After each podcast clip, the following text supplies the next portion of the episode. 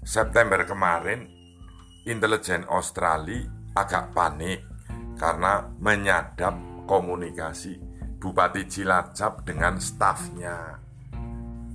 Karena Cilacap itu kabupaten yang memiliki pantai, jadi ada korelasinya. Komunikasi bupati itu kepada stafnya adalah, "Dek, jangan lupa nanti pulangnya pesanan saya jangan lupa di progres."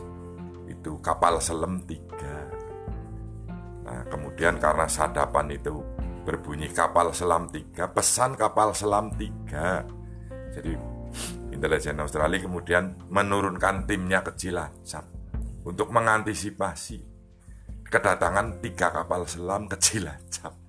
Nah, yang ternyata sebetulnya pesanan itu adalah empek-empek kapal selam tiga biji.